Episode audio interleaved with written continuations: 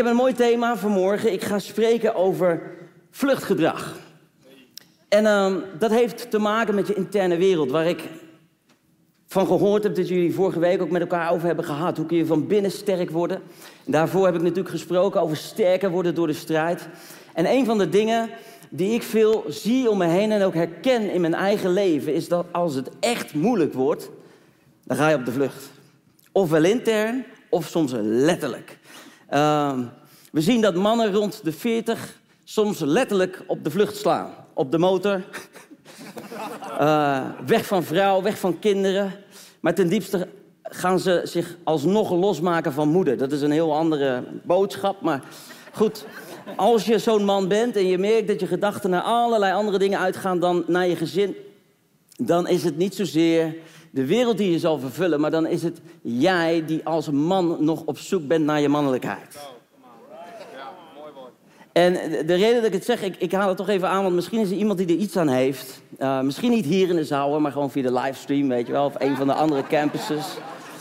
En als dit jouw man is, moet je hem nu even porren natuurlijk, even zo boom. Kijk, wij hebben een westerse maatschappij en een, en een bijzondere mooie cultuur, maar er zijn ook dingen bij ons die niet helemaal goed gaan. En een van de dingen die we bijvoorbeeld kennen van de Joden is dat als een man 12, 13 is, dan is dat bar mitzwa en dan wordt hij bevestigd in zijn mannelijkheid.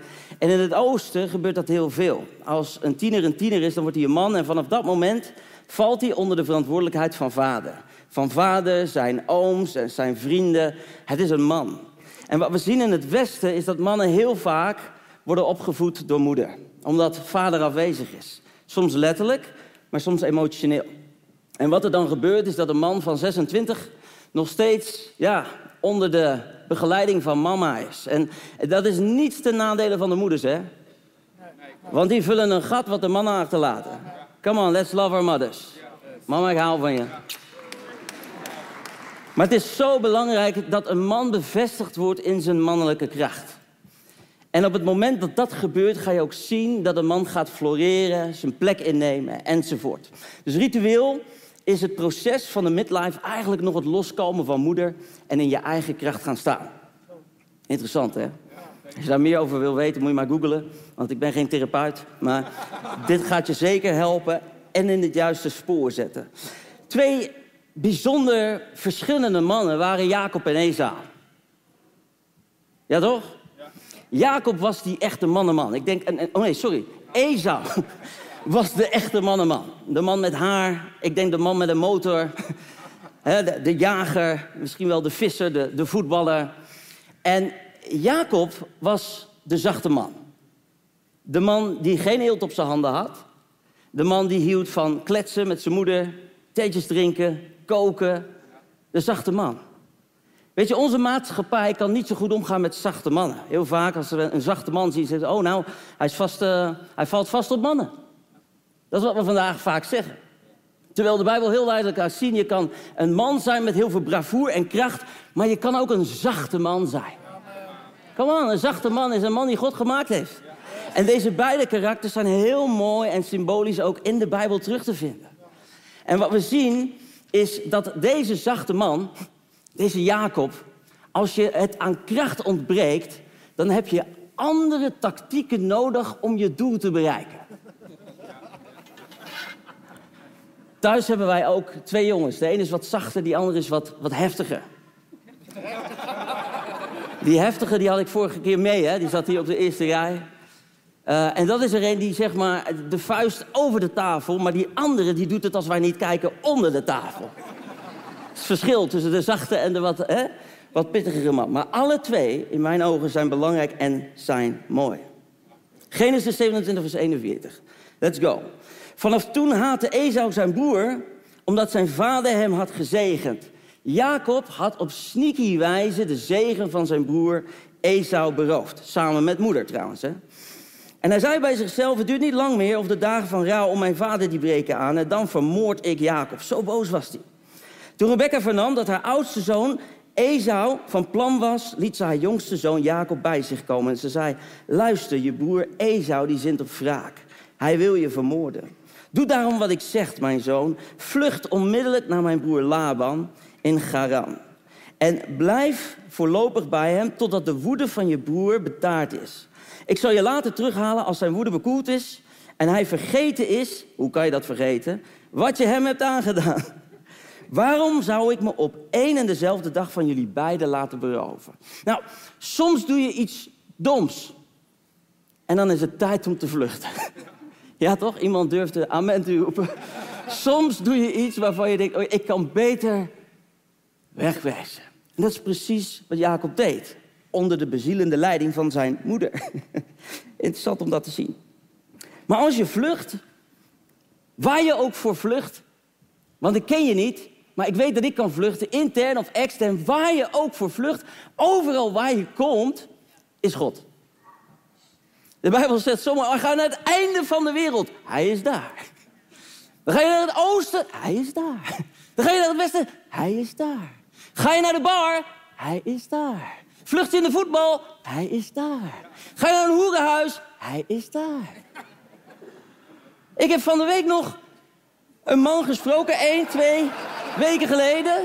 Ja, nee, nee zonder dolle. Eén, twee weken geleden een man gesproken die mij vertelde dat hij in een moment naar de hoeren ging, woonboot, dat hij daar op de wc zat en dat God tot hem sprak. Waar kun je vlichten? Hij is daar. Dus je kan maar beter luisteren naar wat hij zegt. Als hij er dan toch is. Is het niet heerlijk dat God er altijd is? Hij is er altijd. Amen. Nou, let op Genesis 28, vers 12. Toen kreeg hij een droom. Hij zag een ladder die op de aarde stond en helemaal tot aan de hemel reikte. En daarlangs zag hij Gods engelen omhoog gaan en afdalen. En ook zag hij de Heer bij zich staan, die zei: Ik ben de Heer, de God van je voorvader Abraham en de God van Isaac. Het land waarop je nu ligt te slapen, zal ik aan jou en je nakomelingen geven. Zelfs als je vluchtgedrag vertoont, komt God met zijn verzachtende beloftes. Wij denken dat als we ons misdragen, als we iets gedaan hebben wat niet oké is, dat God zijn zegen afneemt. Of dat de belofte ineens verandert. Maar niemand is zo stabiel als onze Heer en onze God. En er staat er in Genesis 28, vers 15. Ikzelf, en dat is God die dat zegt, sta je terzijde. Ik zal je beschermen. Vind dat. En, en, en dan staat er, waar je ook heen gaat. Hé hey man, Jacob, als je wil vluchten, ik ben een man, ik sta naast je. Sterker nog, ik bescherm je. Als je aan het vluchten bent, als je aan het rennen bent, als je in omstandigheden komt die niet voor jou apart zijn gezet, weet dan, je bent niet alleen. God is bij je om al de dingen die in jouw leven te doen medewerken ten goede, omdat je in de kern, in je hart houdt van je hemelse Vader. Hij is erbij en hij zegt, ik laat je niet alleen, zelfs als je vlucht. En dan zegt hij dit, dit vind ik wel een hele belangrijke. En ik zal je naar dit land terugbrengen. Je zal niet alleen, ik zal je niet alleen laten totdat ik gedaan heb wat ik je heb beloofd. Weet je, je kan vluchten en dan zegt God, dit is prima joh, deze fase van je leven, ik ben erbij, zorg voor je, ik zorg dat je niet zo overkomt en zo. Maar uh, ik vertel alvast, er komt een moment dat je terug moet.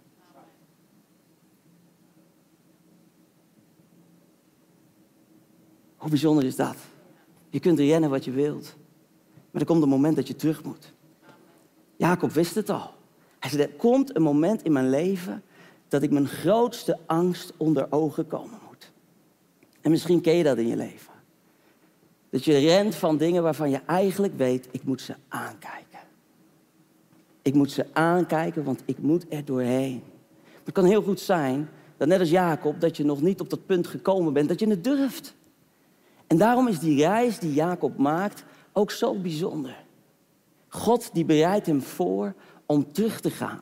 En om in te nemen wat eigenlijk rechtmatig door God zelf aan hem gegeven is. Weet je, wij als mensen hebben onze trucjes en maniertjes om de zegen van God te verdienen. Dan gaan we een geitenvelletje over ons arm leggen om iemand te foppen. Maar als God het je geven wil, dan zul je het ontvangen. What is rightfully yours will be yours in Jesus' name. Wat jou toekomt, jouw erfenis, jouw plekje, wat God je geeft, dat zul je ontvangen in Jezus' naam.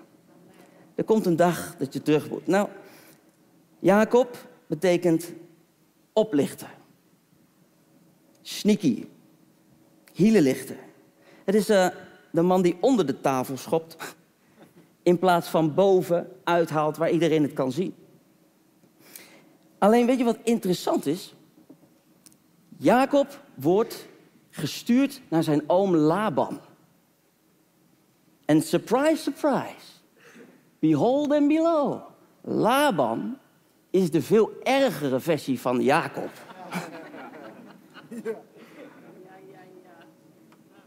Als je vlucht en als je wegrent, moet je er niet van opkijken dat God iemand in jouw leven plaatst die een spiegel is van wat jij absoluut niet wil worden. Ken je dat van die mensen waar je je zo aan irriteert dat je denkt, nou echt. En als iemand je dan met zo iemand vergelijkt. Je denkt van, ja, ja, maar zo ben ik echt niet. Alles, maar niet dat. Niet die. Niet dat. Weet je wat dat zegt? Dat zegt dat deeltje in jou wat er een beetje op lijkt. Wil niet toegeven dat je ergens ook een beetje zo wel bent. Het is wel heel stil in de doorbreken vandaag. snap het hoor, ik zou ook stil zijn. Ik zou zo in de zaal zitten. Ik zou steeds meer denken, die man die heeft het over dingen. maar ook dit verhaal heeft een happy end. We zijn onderweg naar iets moois. Want al die dingen zijn nodig om je te brengen op die plaats. Het einde van jezelf. Weet je, Laban was, was, was niet een eerlijke man. Ik ken het verhaal, weet je. Gaf de verkeerde vrouw. Uh, zeven jaar voor gewerkt. Wat een nacht moet dag geweest zijn. Hoe dronken moet je zijn dat je erachter komt pas de volgende dag dat je de verkeerde vrouw hebt getrouwd? Ik, weet je, dit zijn details waarvan we in de Bijbel soms maar aannemen van hoe dat is gegaan, zal allemaal wel kloppen. Maar het is weird, weet je? Ja, toch? Ik wist wel dat ik de juiste vrouw in mijn slaapkamer had. Ja. Ik wil iets zeggen, maar ik, sommige dingen moet je niet zeggen. Help me, Heer. En dan midden in die situatie waar hij eigenlijk keer op keer voor de gek gehouden wordt, ook door zijn schoonvader, staat er in Genesis 31, vers 13: Ik ben de God van Bethel. Ik vind het zo mooi hoe God zich dan introduceert. Want dan zegt hij: Ik ben die God die tot jou sprak toen je vluchtte. Weet je nog? In die pijn, in dat moment dat je eigenlijk dacht dat je niet goed genoeg was. Toen ik me aan jou geopenbaard had. En Jacob moet er een emotie bij hebben gehad. Dus als God dan zegt: Ik ben dat moment, weet je nog? En ik bid in de naam van Jezus. Echt, dat in welke fase van je leven je nu ook bent. Dat God je een herinnering mag geven van het moment dat Hij daar was voor jou. Dat je hem voelde, dat je wist, zijn belofte is waar. En we hebben allemaal die momenten. Ik ben de God van Bethel, waar je de steen met olie hebt gewijd en waar je je gelofte hebt afgelegd. Kom, ga weg uit dit land en keer terug naar je geboorteland. Dit was het moment waar Jacob niet naar uit had gekeken. Maar een moment wat onvermijdelijk was. God zei, het is tijd. Het is tijd om terug te gaan. Het is tijd om verantwoordelijkheid te nemen. En wat er dan gebeurt, vind ik heel interessant. Omdat je ziet in de kern dat Jacob nog niet heel erg veranderd is. Genesis 31, vers 20, daar staat... En Jacob die bedroog de Arameer Laban door er heimelijk vandoor te gaan. Hij was nog steeds niet de man met mannelijke kracht.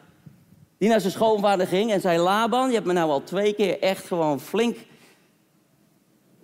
genaaid. Zei iemand hier uh, voor? ik zou zoiets nooit zeggen. Op het podium, hè? Maar je hebt me twee keer flink in de weg gezeten. En uh, nu is het genoeg. Het is tijd hè, dat ik mijn verantwoordelijkheid neem. Mijn vrouw en mijn kinderen mee. En wat je er ook van vindt, maakt me niet uit. Ik ken hem aan. Ik zeg, het is tijd. Nee, nee, nee. Hij was bang voor hem. En deze bedrieger ging er opnieuw op een bedriegelijke manier vandoor. En je weet hoe dat gaat, hè? hoe dat eindigt. Afgodsbeeldje mee, hele chaos, puinhoop enzovoort. Als jij je issues niet aan kan kijken, volgt er altijd een heleboel puinhoop achter je aan. Ik realiseer me dat als ik mijn issues niet aankijk, dat op een dag mijn zoon ze aan zal moeten kijken. En ik weet dat hij er genoeg heeft van zichzelf, maar ik weet ook dat er dingen zijn die ik aan moet kijken, zodat ik weet dat ik hem ervan vrij kan zetten. De Bijbel spreekt van al die dingen. Dat die gaan van generatie op generatie. Wij moeten dingen aankijken, ook al heb je ze zelf niet gecreëerd. Wees een held en ik bid dat God je kracht geeft om dat te doen. Nou, door de jaren heen was het probleem in Jacobs hoofd alleen maar groter geworden. Ken je dat? Dat als je de feiten niet kent van een situatie, dat je hoofd dan alle kanten op kan gaan. Dat je, ja, een klein dingetje super groot gaat worden. Dus hij was ontzettend bang geworden voor Esau. Hij wist niet of hij nog boos was. Hij wist niet of hij hem nog wilde vermoorden. En nu had God gezegd, het is tijd om terug te gaan. En hij had nog geen Instagram in die tijd. Hij kon niet zien, weet je, op Instagram van Esau selfie, weet je wel. Van uh, taking care of my flock, weet je wel. Gewoon wat schapen en dingen. Van, uh, dat hij in zijn gezicht kon kijken. Dat hij denkt, nou, hij ziet er wel weer wat aardiger uit. De Esau in zijn verbeelding was nog steeds die verbolgen man. Kwaad. En dan staat er in, vers, in Genesis 32, vers 4. Jacob die stuurde boden vooruit naar zijn broer Esau. Dus hij kwam in de buurt, maar hij durfde niet zelf te gaan. In Seir, het gebied van Edom. En hij droeg hen het volgende op. Jullie moeten tegen mijn heer, tegen Esau zeggen... uw dienaar Jacob, laat u weten dat hij een tijd lang bij Laban heeft gewoond... en pas nu bij hem is weggegaan. Hij heeft daar runderen, ezels, schapen, geiten in bezit gekregen. En ook slavinnen en, slaven en slavinnen. Deze boodschap laat hij aan u, zijn Heer, overbrengen... in de hoop dat u hem goedgezind zult zijn. Als we het hebben over de underdog-positie, die nam die absoluut in. Toen de boden bij Jacob terugkwamen, meldden ze hem... wij zijn u, u, bij uw broer Esau geweest... en hij komt u tegemoet met 400 man. Jacob schrok hevig. En het angstzweet brak hem uit. En je weet waar dat zweet terechtkomt. Dat is echt zo'n koude rilling. Daarom verdeelde hij zijn mensen over twee kampen. Evenals zijn schapen, zijn geiten, zijn runderen en kamelen. Als Esau op het ene kamp afkomt en daar alles doodt, dacht hij, kan het andere kamp tenminste nog ontkomen. En hij bad, God van mijn voorvader Abraham, God van mijn vader Isaac, Heer die tegen mij gezegd heeft, ga terug naar het land van je familie. Ik zal je voorspoed geven. Ik ben alle weldaden en de trouw die u aan mij, uw dienaar, bewezen hebt, niet waard. Met alleen mijn stok ben ik in de tijd de Jordaan hier overgestoken. En nu kan ik mijn mensen zelfs over twee kampen verdelen. En ik smeek u, red mij uit de handen van Esau, mijn broer. Ik vrees dat hij ons zal aanvallen en, mij, en iedereen zal doden. Ook de kinderen en hun moeders. U hebt immers zelf gezegd, ik zal jou grote voorspoed geven. En veel nakomelingen, zo talrijk als de zandkorrels aan de zee. Niet te tellen zijn ze. Weet je, Jacob was de wanhoop nabij. Zeg, hoe kan het zijn dat, dat God, die mij keer op keer roept en bevestigt, nu terug laat komen, mij in dat conflict met mijn broer, 400 man. Hij is zo bang dat hij zijn bezittingen verdeelt in twee kampen en zegt, als hij de ene uitmoordt, kan de ander nog vluchten. Nou, drie keer raden in welk kamp hij ging zitten. Niet vooraan. Wat een vent ben je, als je je vrouw en kinderen, slaven en slavinnen vooruit moet laten gaan. Hij had al andere mannen naar Ezo toegestuurd om te kijken of hij uh, wel klaar was voor die ontmoeting. Hij durfde niet. Hé, hey, voor alle angsthazen in de zaal, je bent niet alleen. Je bent niet alleen. Ik heb ook momenten dat ik niet durf. Momenten dat ik denk, deze confrontatie kan ik niet aan. Of dit gevecht niet, of, of nu nog niet. Heer, help mij om hier klaar mee te zijn. Maar weet je wat ik wel heel erg herken? Is als je de feiten niet kent, dat dingen alsmaar groter worden in je hoofd. Ken je dat ook? Aannames. Als er één ding is waar je afscheid van moet nemen, dan zijn het aannames. Het verhaal wat jij jezelf vertelt als er iets gebeurt in je leven waarvan je denkt, nou dat zal wel zo en zo in elkaar zitten. Je geeft er betekenis aan en dus emotie, dus uit je pan, dus uit je dak, dus grote problemen, dus ruzie en en en en en. Maar als je daarna gaat vragen, dan zit de vork heel anders in de steel.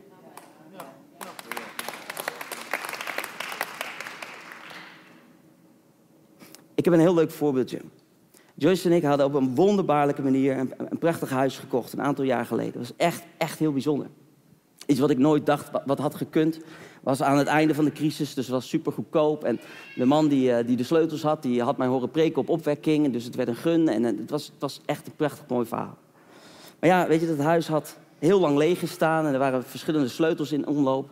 En op een dag merkte ik dat we een mesje kwijt waren. En daarna nog geen, en daarna nog geen. En, en toen gebeurde er van alles in mijn hoofd.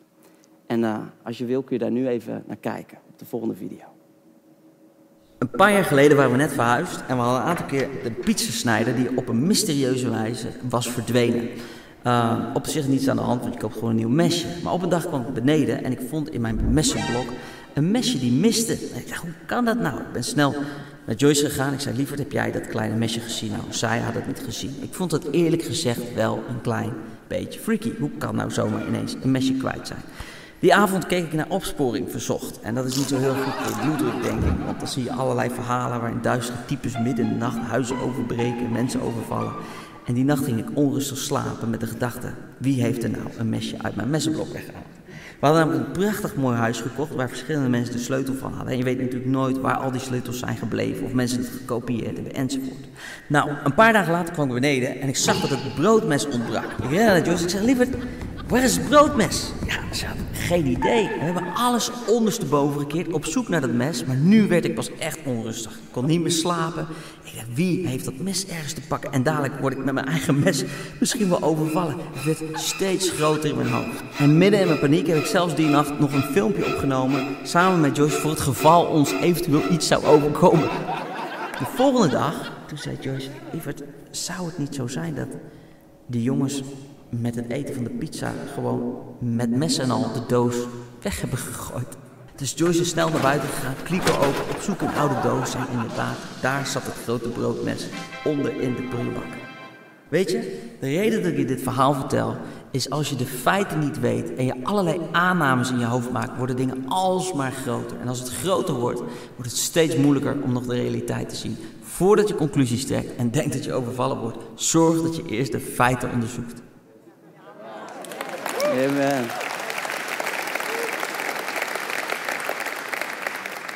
Genesis 32, vers 21. En vergeet vooral niet te zeggen, uw dienaar Jacob komt zelf, zelf komt achter ons aan. Hij had zijn groepje vrouwen vooruitgestuurd met cadeaus. En hij dacht namelijk, ik zal proberen Esau mail te stemmen met het geschenk dat ik vooruit stuur. Pas daarna durf ik hem zelf onder ogen te komen. Misschien is hij dan bereid om mij welwillend te ontvangen. En zo ging het geschenk voor hem uit. Maar zelf bleef hij die nacht nog in het tentenkamp. Zelfs tot het laatste moment. Hij durfde niet. En dan. Dat is de plek waar God hem ontmoet. Als hij in de eenzaamheid is en iedereen hem verlaten heeft en hij eigenlijk zijn probleem aan anderen heeft gegeven, heeft opgezadeld met de opdracht van fix het alsjeblieft voor mij. Anderen kunnen en zullen jouw issues niet fixen.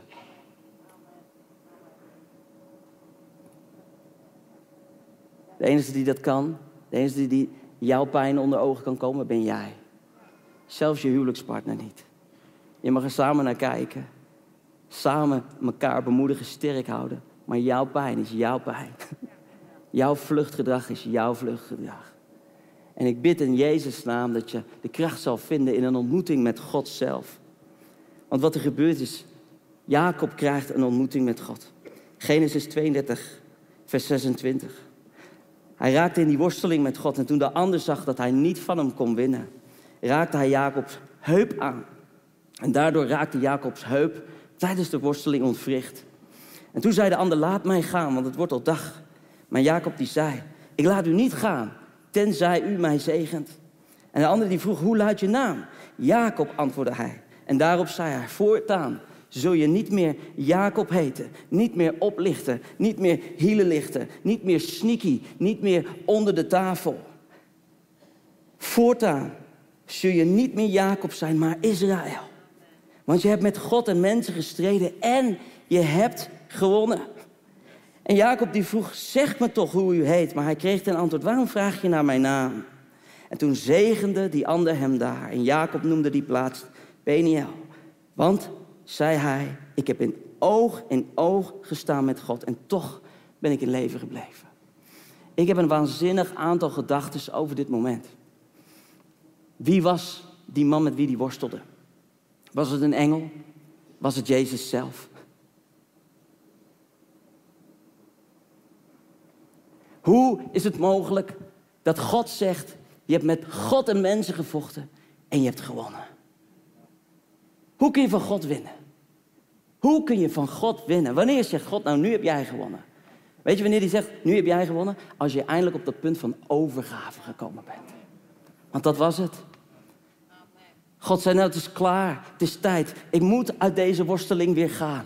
En toen pas zei Jacob, ga niet, tenzij u mij zegent.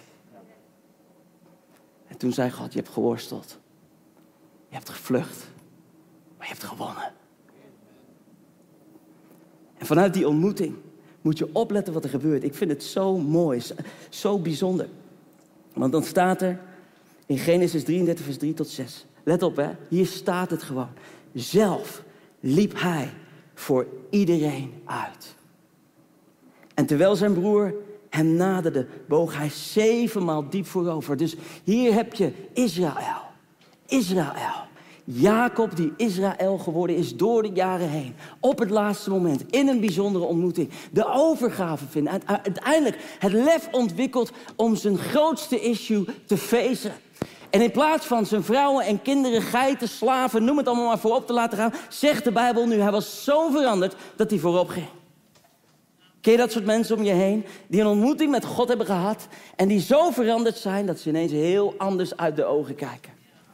Ik bid dat hetzelfde jou mag overkomen in Jezus' naam. Hier vandaag, deze zondagmorgen, online op de livestream in een andere campus. Ik bid dat je een ontmoeting zal hebben met de God die jouw naam verandert. De God die jou de belofte geeft. De God die voor je uitgaat. De God die voor je strijdt. De God die de bestemming heeft voor jou.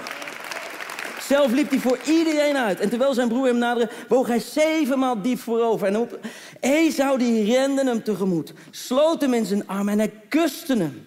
En beiden lieten ze de tranen de vleien lopen. En toen Esau opkeek naar de vrouwen en kinderen, zag hij, wie heb je daarbij? En Jacob die antwoordde, dat zijn de kinderen die God in zijn goedheid aan mij, je dienaar, geschonken heeft. Toen kwamen de bijvrouwen en hun kinderen dichterbij. En ze bogen diep. Wat een emotioneel moment moet dat geweest zijn. En wat een God van herstel. Weet je wat het allermooiste is? Daar lezen wij niet over. Maar reken maar dat ook Esau zijn reis gehad had tot aan dit moment. Als jij denkt dat jij de enige bent die iets aan het doen is, no, no way. Vertrouw God dat hij werkt in het hart van die ander. Hij brengt je op een dag terug op de plek waar je roeping is. We hebben het twee weken geleden over gehad dat God geen plan B heeft voor het beloofde land. Dus er kan een moment zijn dat God zegt, it's time to face. Datgene waar je al zo lang voor vlucht. En um, ik ga naar het einde van mijn boodschap, dus ik vind het moeilijk omdat ik niet weet waar jij voor vlucht. Ik weet waar ik voor vlucht. Ik weet waar ik bang voor ben. In mijn hart en in mijn leven zijn dingen gebeurd die moeilijk zijn geweest in mijn jeugd. Maar er zijn ook een aantal onverklaarbare, diepe emoties die ik heb... waar ik niet eens eens van weet waar ik ze naar terug kan brengen. waarom ik die met me meedraag. En dat kunnen dingen zijn die ik heb beleefd en, en zo verdrongen heb... dat ik niet eens eens weet dat ze er zijn. Maar het kunnen ook dingen zijn die ik gewoon gratis heb gekregen. Van een familie of zo issues die nooit zijn opgelost door de generaties heen. En, en dan belanden ze uiteindelijk bij jou. Dus emoties die heftig, die moeilijk zijn. Een van de dingen die uh, Joyce en ik in ons leven echt mee hebben moeten knokken samen, is, is als zij in de buurt kwam van die deeltjes. Je, je, je partner is, is degene die je het meeste liefde geeft en ook het meest kan raken. Ik zal je wat verklappen. alle mensen zullen je pijn doen. Het is een zoektocht wie het waard is om voor te lijden.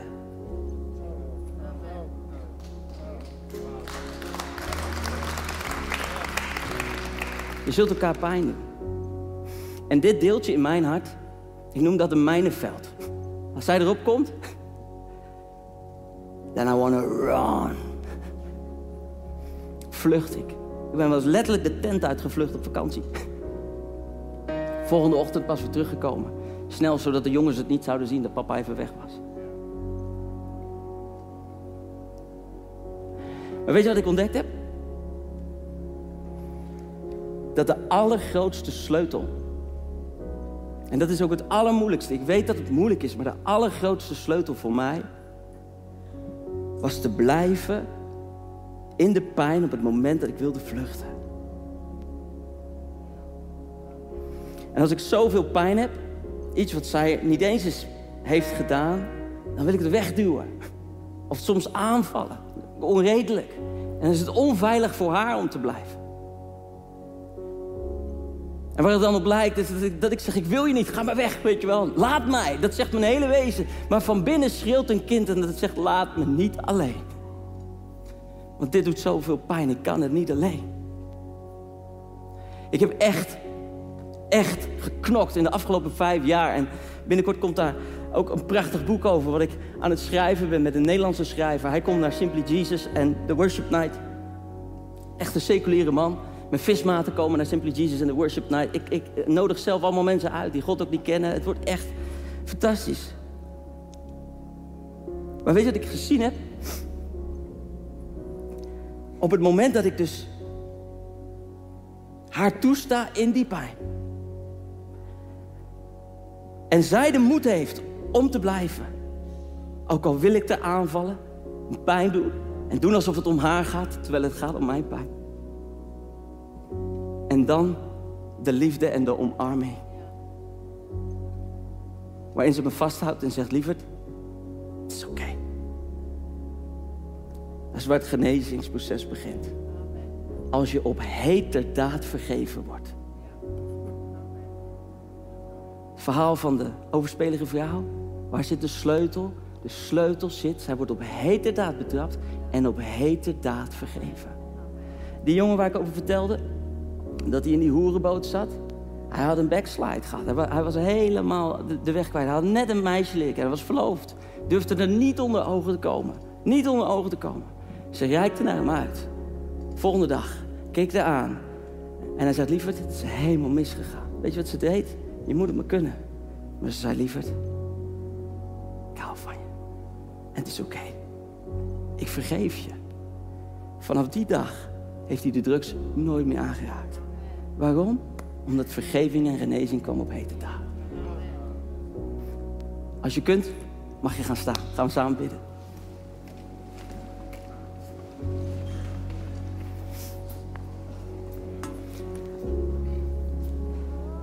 Wauw. Ja. Mag je ogen sluiten? Lieve vader, wat ik zo indrukwekkend vind is dat u de God van de Bijbel bent. U bent de God van Abraham, van Isaac, van Jacob, van Israël. Maar u bent ook de God van David, van Henk, van Klaas, van Jordi, van Marco, van Sander, van, van Marije, van, van, van Kirsten, van, van, van ons allemaal. En als een vader gaat u voor ons uit. En als een vader gaat u mee als wij vluchten. En als een vader zegt u, er komt een dag dat je zult moeten feesten. Want alleen jij kan feesten, maar ik ben bij je. Ik laat je niet alleen. En lieve God, wij als mensen hier, we zijn in deze prachtige wereld door u geplaatst. Het is zo'n groot cadeau. Maar soms is de pijn zo overweldigend dat we willen vluchten. En ik wil u danken, Heer, dat u dan juist daar in die pijn komt met uw vergeving. Komt met uw genezing. Komt met uw kracht. Komt met uw hoop. Komt met uw overwinning. En ik bid, Heer, dat we dat vanmorgen opnieuw weer met elkaar mogen ervaren. Hier op deze zondagochtend in de campussen tijdens de livestream. Vader, laat uw kracht stromen. En als dit gaat om jou. Als je voelt in je hart, Heer, dit gaat om mij. Mijn delen. Ik open mijn hart. En wil de delen feesten die u mij laat zien. Weet je, als je diep geraakt bent vanmorgen en je wil over dingen praten, ga niet naar huis voordat je iemand opzoekt om mee te bidden. Van je iemand die met je praten wil? En misschien zelfs nu, dat als je samen bent en het even moeilijk hebt, grijp elkaars hand, hou elkaar even vast. God ziet je, hij geeft je hoop. Het is tijd om door te breken in Jezus' naam.